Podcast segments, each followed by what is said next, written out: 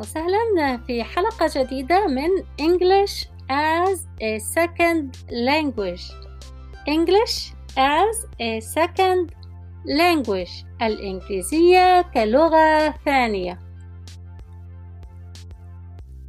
يتبرع donate donate donate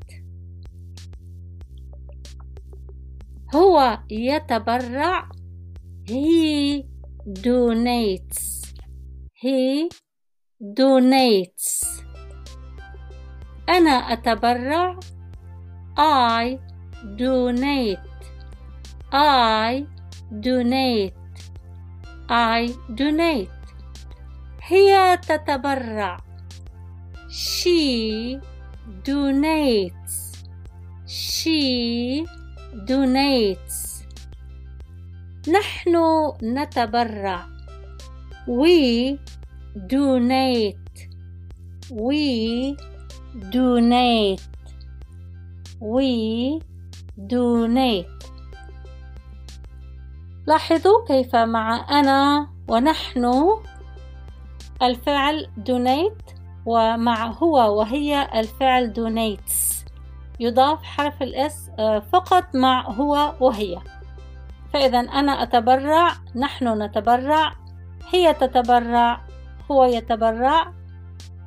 تكون بالإنجليزية I donate we donate she donates هي تتبرع.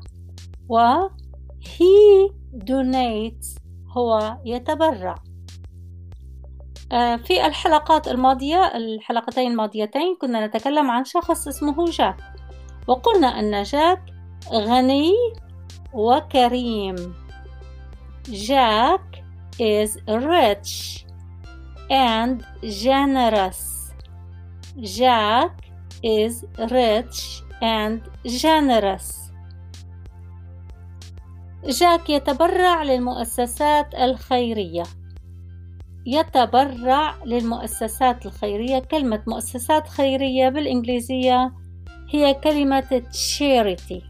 وكلمة charity بالأصل هي كلمة المحبة ولكن تطلق على اسم الجمعيات الخيرية. charity واحدة و charities أكثر من جمعية خيرية. فإذا أردنا أن نقول آه، جاك يتبرع للمؤسسات الخيرية نقول جاك donates to charities جاك donates to charities جاك donates to charities كل شهر every month